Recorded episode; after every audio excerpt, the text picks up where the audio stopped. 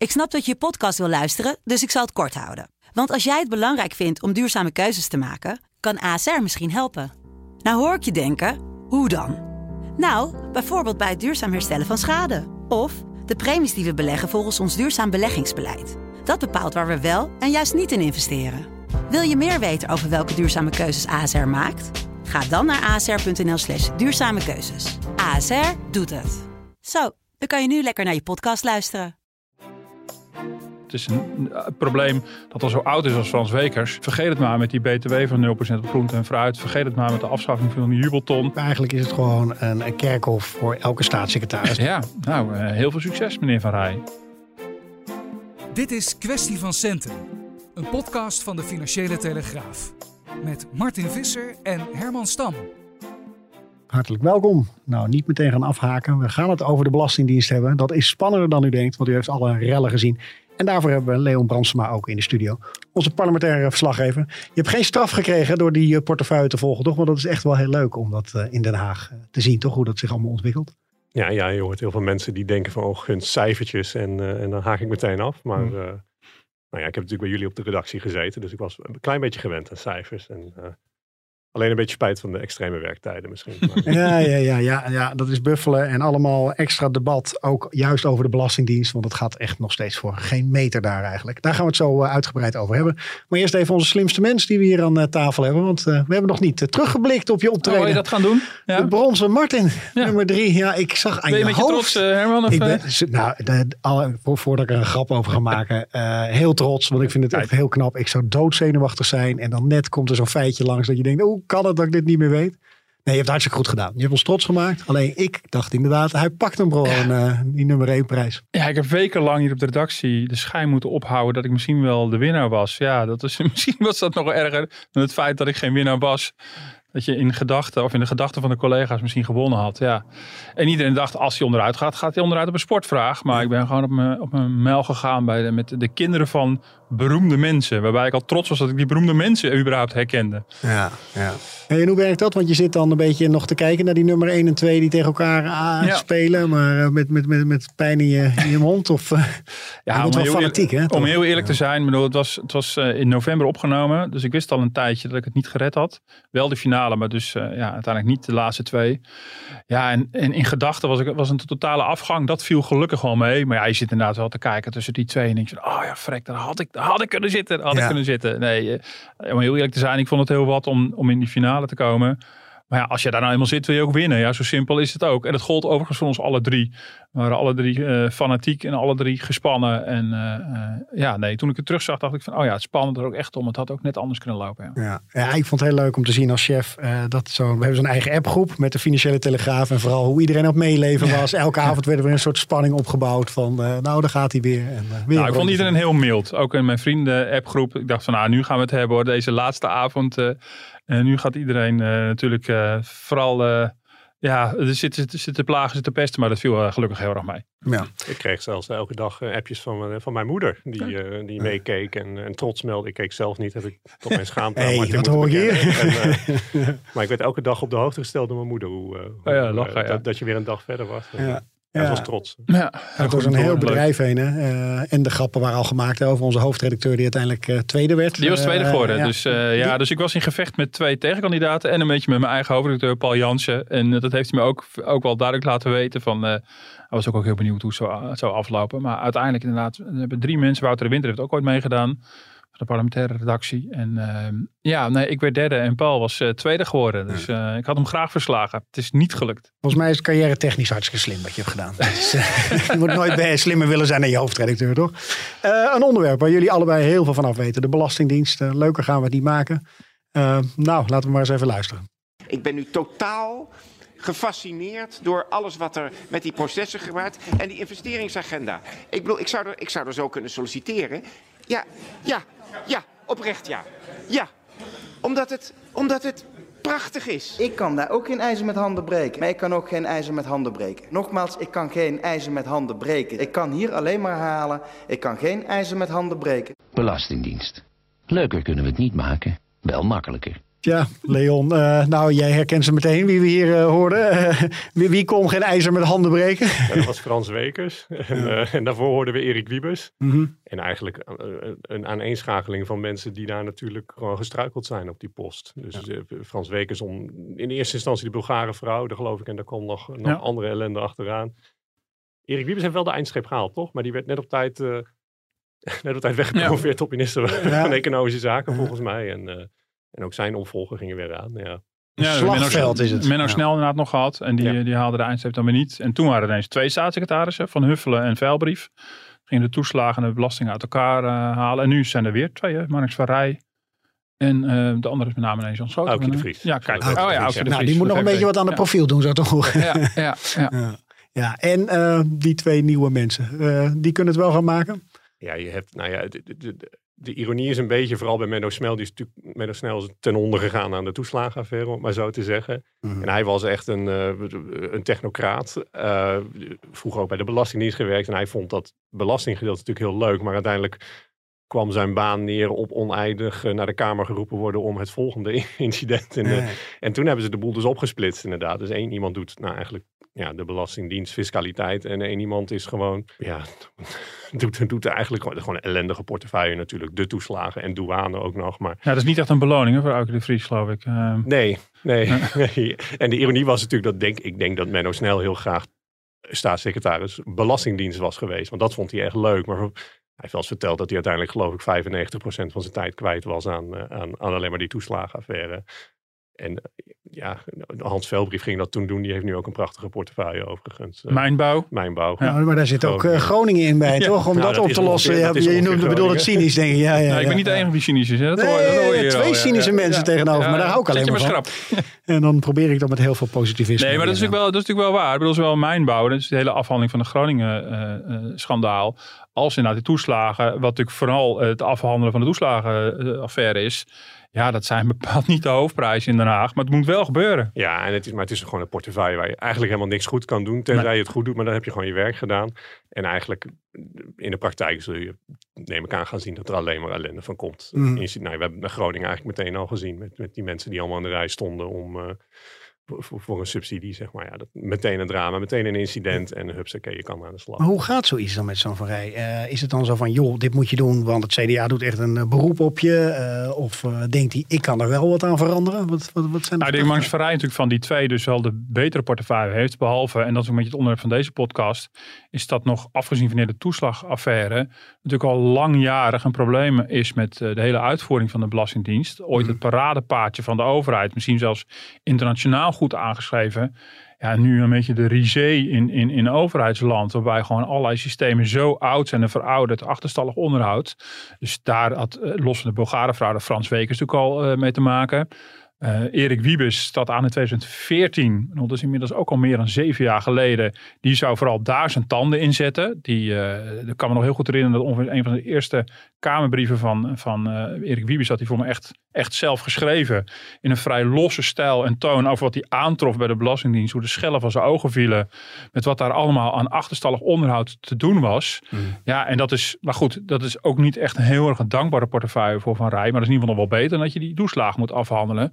Want dan sta je echt in het oog van een orkaan, echt, echt dag in dag uit. Dus in die zin denk ik dat Van Rij denkt, nou ik heb hier ook een inhoudelijke klus te klaren. En hij heeft natuurlijk ervaring eh, vanuit het bedrijfsleven. eh, als, vanuit fiscaal recht, zeg maar. eh, ook gestudeerd, lang gewerkt. Kreeg hij ook meteen gezeur mee, omdat hij dan eh, iemand was die allerlei dubieuze constructies had opgezet Ah, in zijn ja. werkende leven. Misschien in de tijd dat hij dat deed ook een beetje onvermijdelijk als je belastingadviseur was. Dat dat, dat, dat je werk was. Ehm, dus ik kan me voorstellen vanuit hem. En hij heeft natuurlijk ook eh, even vanuit de politiek beredeneerd. eh, hij was geloof ik commissaris, rijkscommissaris op een heel mooi eiland. Eust- Eustatius volgens mij. En eh, is vanuit daaruit naar Nederland gekomen om bij het CDA puin te ruimen als eh, interim partijvoorzitter. Dus misschien dat daar ook nog dat element meespeelde. Dat was natuurlijk ook geen leuke baan eh, het afgelopen jaar. En dat dan misschien daar ook een beloning. En dat het misschien leuker is in verhouding tot het eh, rotzooi opruimen bij het CDA. Dat zou natuurlijk Ja. zomaar kunnen.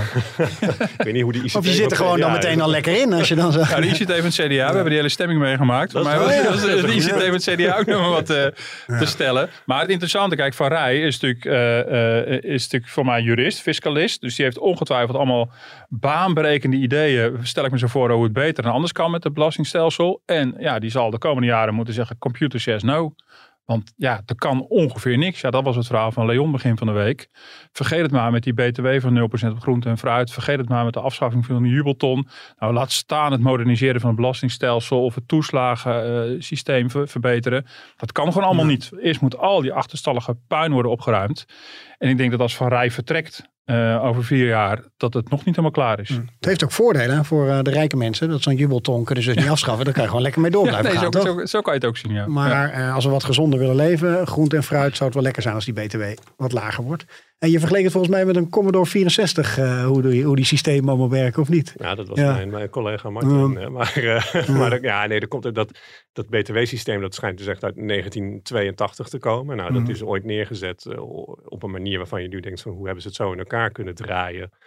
Ik geloof ook dat de mensen die het onderhoud eh, moeten plegen inmiddels al met pensioen zijn. En dat nieuwe mensen niet meer weten hoe dat werkt. En, en ja, ja, kijk, om, om het heel specifiek, want je denkt dan toch van, nou ja, de BTW op 0%, prima toch? Dan draai je aan die knop en dan is het klaar. Maar nou ja, dat hoorde dus van de week, waren er wat ambtenaren in de Tweede Kamer om toe te lichten hoe het nou staat bij de ICT van de Belastingdienst. En toen bleek dat dat systeem eigenlijk zo oud is, dat het nooit zo is ingericht dat er een knop is überhaupt om aan te draaien om het op 0% te zetten. En nou, dat geeft nog wel iets aan over, over de staat. En waarom het dus ook zo moeilijk is, Ja. dit specifieke. Ja, dat vond ik ook wel. Ik bedoel, dat die problemen er spelen, wisten we al lang.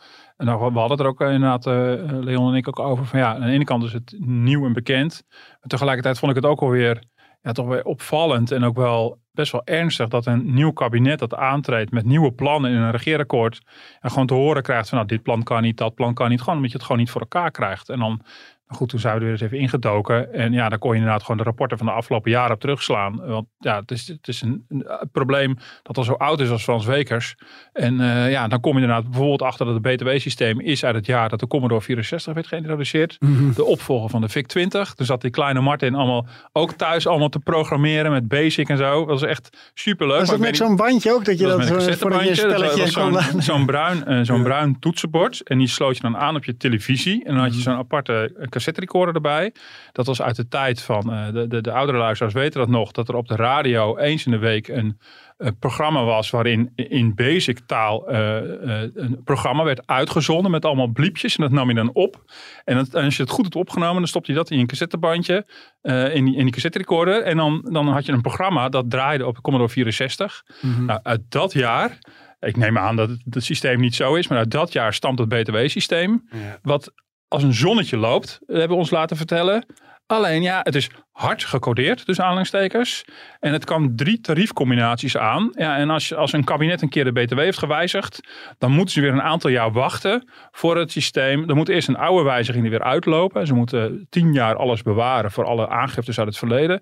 En dan heb je dus een, een aantal jaren gaat er overheen. En dan kan je weer een nieuwe tariefcombinatie invoeren. Ja, ja, ik, moet er om, ik word er giegelig van. En, en tegelijkertijd is het natuurlijk hartstikke ernstig. Dat ik bedoel, je wil een suikertax invoeren. Je wil een BTW eh, groente vooruit verlagen om allerlei redenen. Dat zijn politieke wensen. En het kan gewoon domweg niet, omdat de Commodore 64 van de Belastingdienst dat gewoon niet trekt. Ja, ik- jij klinkt wel heel erg handig met ICT. Misschien moeten ze jou eens een beetje Doen, met die bandjes... eh, ik vind het Nou, als het indrukwekkend. systeem is wat uit je- 82, dan kan ik er vermoedelijk mee overweg. Bedoel, Dan is het eh, programmeren en al die regeltjes en dan run en dan, dan gaat hij. Maar ik weet ook nog uit die tijd, met één tikfout in het, in het programmaatje en er gebeurt helemaal niets. En dan zit je naar een leeg scherm te staren. Ja. Nee, maar dat is ongelooflijk. Ik bedoel, eh, al bellend kwamen ook van de week de verhalen boven dat van ouds was er een loonbelastingssysteem dat iemand van de Belastingdienst ooit zelf had ontworpen. En toen ging hij met pensioen. Ja, nou ja, weet je, dat, dat niveau. Dus het is, het is een, de Belastingdienst lijkt een soort slachtoffer te zijn van de, de, de wet van de remmende voorsprong. Ze waren zo vooruit in de tijd ooit.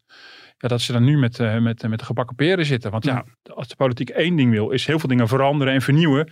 Maar niet geld steken in onderhoud en het onderhouden van die systemen. Daar lopen ze nu keihard tegenaan met hele grote gevolgen. Maar zeggen jullie dan ook eigenlijk is het gewoon een, een kerkhof voor elke staatssecretaris? Want je kan heel, heel enthousiast daar binnenkomen als ik dit zo hoor. Ja, uh, succes. Je bent zo afhankelijk van systemen en van ambtenaren. Nou, ik denk dat Van Rij in die zin geluk heeft tussen aanhalingstekens. Net als Veilbrief dat had. Dat zijn collega op toeslagen natuurlijk een soort bliksemafleider is. Want de ellende bij toeslagen is nog net een paar fracties groter. Mm. En uh, dat zag je natuurlijk Frans Wekers en Erik Wiebes lagen destijds wel enorm onder vuur. Voor, maar dat vond ik van de week ook opvallend. En, dus ja, goed, eh, Leon, ik ben ook benieuwd hoe jij dat ziet. Want jij loopt iedere dag in Den Haag. Dat dit nieuws over het feit dat, dit, dat er gewoon een aantal dingen die het kabinet wil, gewoon domweg niet kan ja, dat ook tamelijk gelaten in de politiek op gereageerd wordt. Oké, nou dan doen we het niet. Ik vind het wel opvallend. Ja, nou, er zit, een, er zit daar natuurlijk wel iets tweeledigs in, denk ik. Dat enerzijds uh, de politiek zelf ook wel enigszins oorza veroorzaker van het probleem is. Dus, um, maar dat is meestal geen reden voor terughoudendheid. Nee, dat klopt, dat klopt, dat klopt. Dus kunnen, dat op zich zou je kunnen zeggen, mooi voortschrijdend inzicht. Ja. Uh, want het, het, is ook wel, want inderdaad bij het maken van het verhaal over dat, dat het dus niet ging lukken om... Uh, die BTW op groente en fruit naar nul te zetten, hoorde je ook wel gewoon vanuit de coalitiepartijen. Van ja, we snappen het ook wel. We zijn eigenlijk wel blij dat de Belastingdienst heeft gezegd van doe maar niet. Want beter dan dat ze weer zeggen van uh, oké, uh, we gaan ermee aan de slag en dat het vervolgens weer een puinzooi wordt. Ja. Um, dus enerzijds dat, ja, anderzijds waren er dus zoveel ambities. En zeker, zeker op fiscaal gebied wil iedereen wil van de toeslagen af. Iedereen wil een een makkelijker uh, belastingstelsel. En ja, dat, dan krijg je dus met, met stukken ICT, dat kan dan dus gewoon niet. Mm. En um, ja, misschien, ja, die, die, gelatenheid kan ik er wel enigszins plaatsen in de zin van dat men ook ziet wat de eigen rol daarin was.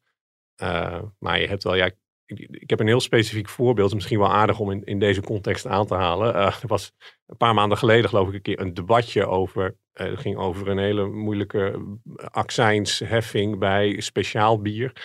Uh, nou, volgens mij veel enthousiastelingen hier in deze ruimte. Zeker. Zeker. en daar was ooit een uitzondering gecreëerd voor kleine brouwerijen die maximaal zoveel liter per jaar, want dan hoefden ze iets minder belasting te betalen, fijn.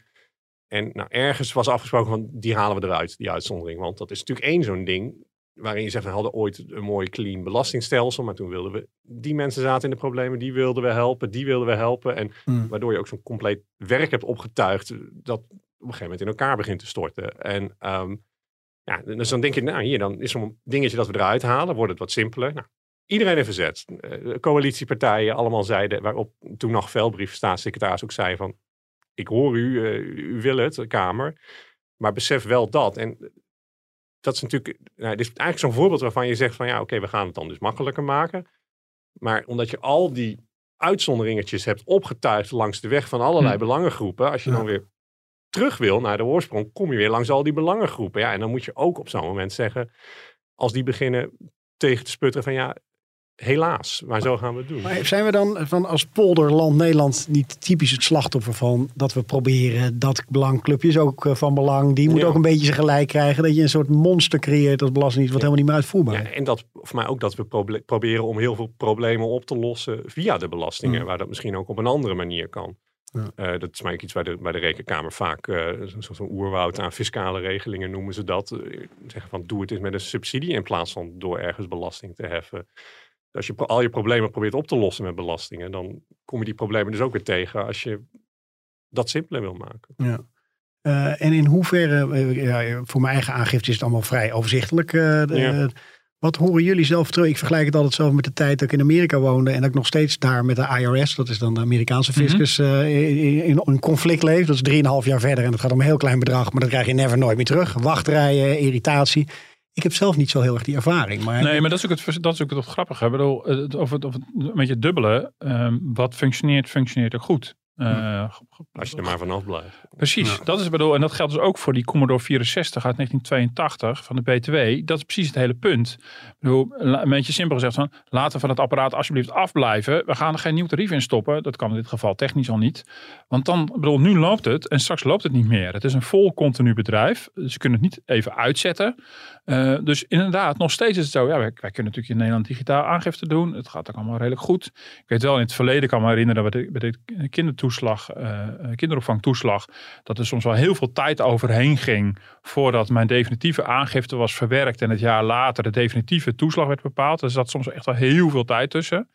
Mm. ik vind het ook soms wel ingewikkeld dat je soms schriftelijk met de, met de Belastingdienst moet communiceren. Bedoel, dat je niet kan, kan e-mailen. Maar in principe heel veel dingen functioneren. En dat is precies hetgeen waar ze zuinig op zijn. Maar als we, als, bedoel, ja, als we te veel gaan veranderen en als we systemen uh, echt gaan ontregelen, ja, dan is de ellende niet te overzien. Uh, Dat is precies de reden dat, dat, de Belastingdienst ook waarschuwt. Dan kijk nou alsjeblieft uit, want het functioneert nog. En dat is ook hartstikke belangrijk dat dat geld ook binnen blijft komen. Dus dat is het dubbele. Dus als, als ik denk dat heel veel burgers er relatief weinig van merken. Nee, maar het kan wel, het kan in elkaar donderen. Dat was voor mij een paar jaar geleden bij de erf- en schenkbelasting. Daar, daar is het systeem wel in elkaar gedonderd. Ja, dat is waar, simpel gezegd. Met grote achterstanden. ja. En ik, ik, dat gaat geloof ik om, ik weet het niet precies, ik er niet op vast, 1 of 2 miljard per jaar. Wat uh, op de grote schaal eigenlijk heel weinig geld is. Iran is genoeg. Uh, maar daar, daar hamerde Pieter om zich deze week ook op. En ik, van ja, daar hebben we het nog overleefd. Maar stel dat dit gebeurt bij uh, de grotere systemen. En dat is precies wat je ziet, is dat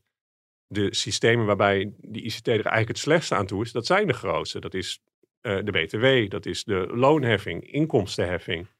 En dat is alles bij elkaar opgeteld bijna nou ja, 80, 90 procent van de belasting die we binnenhalen. Ja, als dat in elkaar stort, mm dan hebben we wel echt een probleem. Die, die erfenschenkbelasting, dat, dat komt wel een keertje. Ja, dat was wel vervelend inderdaad. kan me herinneren voor mensen die natuurlijk een erfenis wilden, ja. uh, een testament wilden af, afhandelen. Um, uh, dus, dus het is goed dat je dat inderdaad nog wel noemt. Maar het grote deel loopt allemaal. En daar zit ook de, de, de zorg. En we noemden net al de, al die politieke wensen, waardoor er allemaal uitzonderingen zijn gekomen. Uh, nou, in het verhaal wat we in de zaterdagkrant brengen, wordt het ook uitgelegd door een hoogleraar hoe er 900 applicaties aan elkaar geknoopt zijn. Uh, met, met plakband en touwtjes uh, ongeveer. Door alle, alle complexiteit die de politiek heeft aangebracht. Maar de basis is natuurlijk ook dat er gewoon heel veel oude systemen zijn met heel veel achterstallig onderhoud. Dus het is niet alleen maar een kwestie van politiek moet zich een beetje inhouden. Ik bedoel, als dat het enige was. Het, bedoel, het is ook omdat het allemaal zo oud is en fragiel. En deze risico's kunnen ze ook heel moeilijk terug. Dus het is super gecompliceerd. Maar het is zo moeilijk geworden dat ze ook niet meer terug kunnen. En dat is, uh, dat is natuurlijk wel echt lastig. En wat de Belastingdienst aangeeft, nou, deze week nog in een briefing in de Tweede Kamer. Uh, ja, elke wijziging die de politiek nu wil, die we technisch wel aan kunnen, betekent dat het langer duurt voordat we de, de, de, de oude systemen op orde hebben. En dat we ook die wijzigingen twee keer moeten doorvoeren in het oude systeem en ondertussen ook alvast in het nieuwe systeem. Dus, dus de politiek wordt ook gevraagd, ja, hou je gewoon jezelf de komende jaren in acht. Want elke nieuwe wens zal tot vertraging in die uitvoering gaan leiden. Dus in die zin zit de politiek ook gewoon helemaal klem. En dat is best wel ernstig. Uh, Dat je ja, je democratische recht als politiek om zelf te bepalen hoe, je begroting wordt bepaald, waar de belastingen vandaan komen, wordt ernstig ingeperkt. Ja, ja.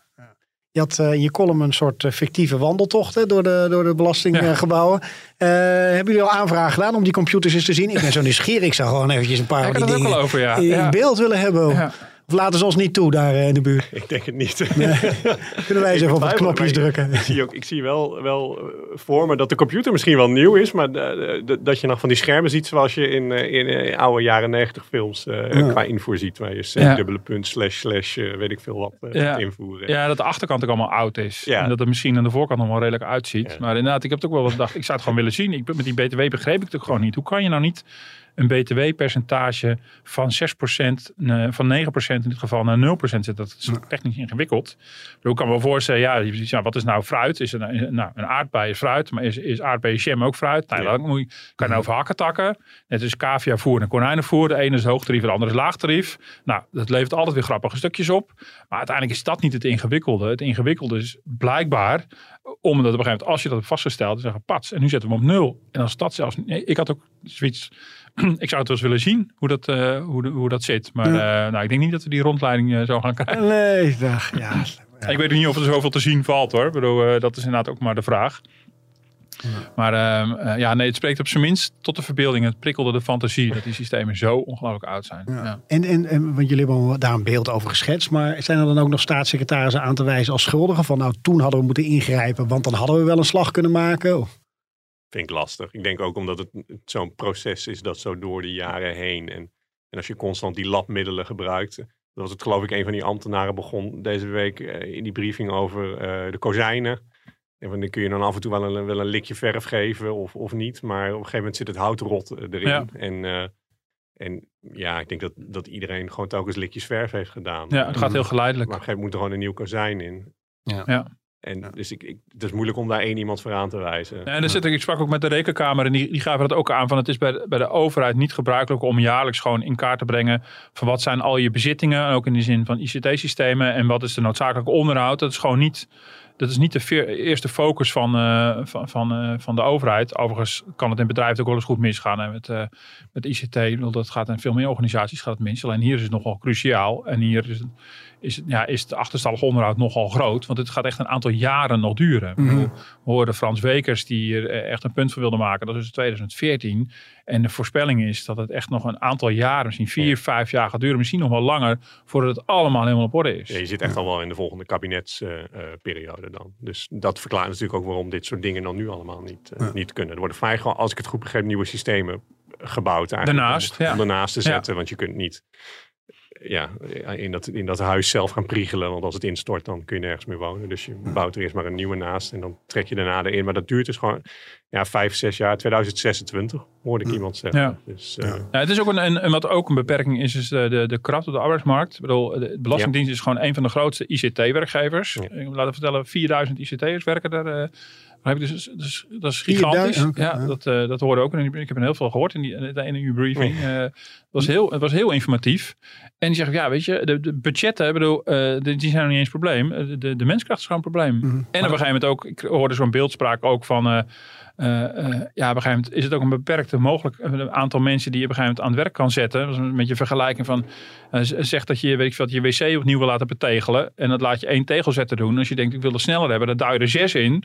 Wordt het een beetje vol in je wc. En dan gaat het, dan gaat het echt niet sneller van. Ja. En zo moet je dat ook, op een gegeven moment is- houdt het ook op. Je kan niet zeggen, van, nou, we verdubbelen het aantal ICT'ers als je ze al kan vinden. Ja, op een gegeven moment is het gewoon werk. Bedoel, Het zijn gigantische systemen waar alle Nederlanders via de, via de belasting natuurlijk gebruik van maken. Eh, en het moet altijd blijven draaien. Dus de leveringszekerheid moet 100% zijn.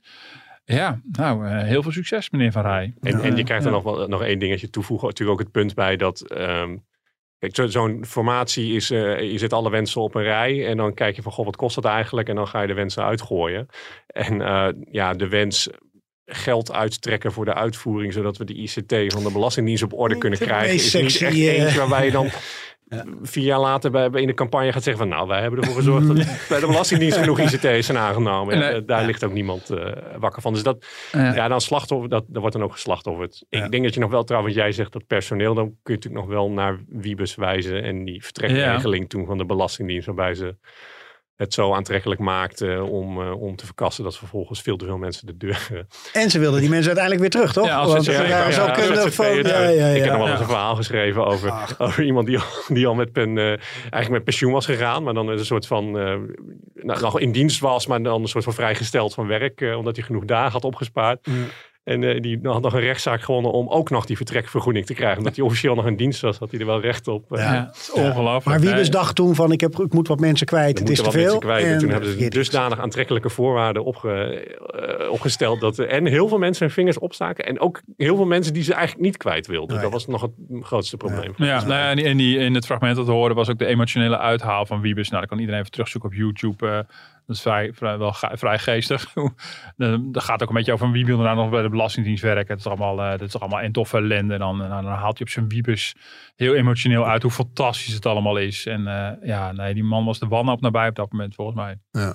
Hey, eh, wat, als we het over de Belastingdienst hebben, een onderwerp wat we natuurlijk ook wel even willen aansnijden, eh, veel serieuzer van toon, die hele toeslagenaffaire. Want eh, dat zullen mensen ook wel vragen. Hoe, hoe staan we er eigenlijk voor? Want ik heb een tijdje weer niks gehoord, maar het is nog lang niet opgelost, toch Leon? Nee, het is ook alleen maar. ja, grotesk is niet het goede woord, maar groter geworden. We zijn, geloof ik, in heel korte tijd is de begroting voor die compensatie van een half miljard naar 5,5 miljard euro gegaan. Er zijn regelingen opgetuigd voor kinderen, voor ex-partners. ehm, de, dat hele loket van die, eh, waar, waar je dan kan melden als gedupeerde is een soort van toevluchtsoord geworden voor iedereen, iedereen met geldproblemen. Die denkt Mhm. van nou, als ik me daar meld. eh, En Bulgaren heb- ook, hè, geloof ik. Ja, ja. De Bulgaren zijn weer terug. Ja. Ja. had de correspondent uitgevogeld. Dat, Ja. dat, maar dat was Ja. dat echt zo te zijn dat, dat, eh, dat de, die voorwaarden zo ruim zijn voor die compensatie. Dat zelfs die Bulgaren die toen, nou ja, ze hadden het geloof ik niet zelf gedaan, maar die Hm. toen die, eh, onterecht toeslagen hadden opgevraagd en moesten terugbetalen. Dat zelfs zij nu recht zouden hebben op... eh, Compensatie. Op Wat, wat extra compensatie. ironisch is, want mensen zeggen vaak dat juist dat door die het. Bulgare Ja. affaire, eigenlijk daarna is het allemaal strenger geworden Ja. en zijn er heel veel mensen En de cirkel was, was, weer, eh, was Ja. weer rond. Ja, nee, maar dit melden zich bijvoorbeeld ook heel veel mensen die helemaal niet toeslagen gedupeerd zijn. Maar gewoon denken, ik heb ontzettende geldproblemen. En als je je daar meldt, dan krijg je een jaar lang eh, pauze dat je geen schulden hoeft eh, te betalen. Maar ja, dat kost natuurlijk ook tijd om die mensen dan weer naar de goede door te verwijzen. Dus ja, dus ze hebben gewoon toen, eh, wat is dik een jaar geleden, gedacht van we geven iedereen in elk geval 30.000 euro. En dan hup, dan zijn we in één keer van een heleboel mensen af die we dan ook wel te veel geld geven. Maar dat zij dan zo. Maar in de praktijk werkt dat dus ook niet. Er zijn toch heel veel mensen die zeggen van nou, ik heb toch eigenlijk wel meer. En ja, dat is een- toch een proces van een ontzettend lange adem. En inderdaad, ja, Aukie de Vries, eh ja, ga er maar aan staan. Ja. eh. Maar denk je dat het nog heel veel staartjes krijgt qua enquêtes en nog toch weer bewindslieden die gaan sneuvelen? Of, Ja, ik zag nog net, net eh, weer dat inderdaad die enquête. Er, komt nu, er was natuurlijk die verhoren. Daar ben ik nog een keer over langs geweest Ja. bij jou. Eh, dat was november, eh, nou ja, dik, eh, dik een jaar geleden. En ze gaan nu dus een enquête doen, meer breed naar het fraudebeleid van eh, de overheid. Dat begint volgend jaar, volgend voorjaar, 2023. oh, nemen er wel Eh, even ja, de tijd en- voor. Ja. ja, en de vraag is natuurlijk, dat is natuurlijk een beetje de vraag die nu. Waarbij je eerst riep van er komt een enquête over dit, er komt een enquête over corona, over Groningen. En dat je denkt van nou, dit kabinet kun je over een jaar weer eh, ten graven dragen. Eh, ja, anderzijds heb je ook het sentiment van ja, we hoeven ook, misschien moeten we ook niet elke keer maar gaan opstappen voor alles wat, eh, wat fout Ja. is gegaan. Dat, dat, dat draagt, doet misschien ook de stabiliteit van het, van het Ja. landsbestuur niet. Als je er zo lang over doet elke keer om eh, toch weer tot een nieuw kabinet te komen. Dan eh, ja, ja, precies. dat nou wat sneller doet. Ja. Maar ja, Martin, eh, denk jij dat het nog heel veel staartjes gaat krijgen? Ja, nou ja, want die afhandeling van die toeslagen is natuurlijk veel ingewikkelder dan, dan ik zelf ook had durven eh, verwachten. Want ik kan me nog, ik heb notabene in een column nog geschreven van eh, geef iedereen gewoon een, een vast een, een vet bedrag en desnoods is het te veel. Ja, dat is precies wat ze zijn gaan doen en dat Mhm. pakt heel verkeerd uit. Ja, ik was nog in een naïeve veronderstelling dat, ze, dat de Belastingdienst of Financiën in beeld had om wie het ging. En ik denk, nou, als nou de afhandeling per dossier heel veel tijd kost, ja, wees dan gewoon ruimhartig en geef gewoon iedereen een, een bedrag. Dan kunnen die mensen voorlopig even vooruit. Ja, wat, wat ik ook niet had gerealiseerd, is dat het helemaal niet precies duidelijk is om wie het allemaal gaat. Ja, en als, als iedereen zich maar kan melden, ja, dan wordt dat natuurlijk een regeling die natuurlijk totaal uit de klauwen loopt. En Ja. dat is de klem waar ook, waar ook toeslagen nu in zit. Want ja, de politiek wil aan de ene kant ruimhartig zijn, maar weer niet te ruimhartig. Ja, en zo, en zo doe je het dus eigenlijk eh, eh, bij financiën eigenlijk dus nooit goed. Ik bedoel, dat is, eh, ja, dat Nee, want dat, stel dat we ooit tot een punt komen waarbij we zeggen van nou, we hebben nu iedere gedupeerde compensatie gegeven. Dan komt natuurlijk de rekenkamer nog een keer dwars eroverheen ja. om, om, te zeggen dat het geld allemaal maar zomaar is uitgegeven. Mhm. En dan alle voorbeelden van mensen die eigenlijk misschien maar 500 euro hoefden terug te betalen en zo flats in één keer 30.000 euro eh, Ja, dus dan krijg je dat nog weer eroverheen. Nee, en, en bij dat toeslagengedeelte specifiek is het natuurlijk ook een punt, omdat er zoals een ambitie is van we gaan alle toeslagen afschaffen. Maar ja, die hele afdeling draait de komende jaren denk ik alleen nog maar om het, eh, alleen nog om het herstel van, eh, Ja. van die affaire. En dat is natuurlijk wel treurig, want er zijn natuurlijk heel veel maatschappelijke redenen om die toeslagen, dat systeem heel snel of af te schaffen of, te, of totaal te moderniseren, te vereenvoudigen. Nou, je ziet in alle verkiezingsprogramma's, eh, zie je wel uiteenlopende ideeën, maar die zijn bijna allemaal best wel vergaand. Soms tot een totale afschaffing en het gratis maken van kinderopvang.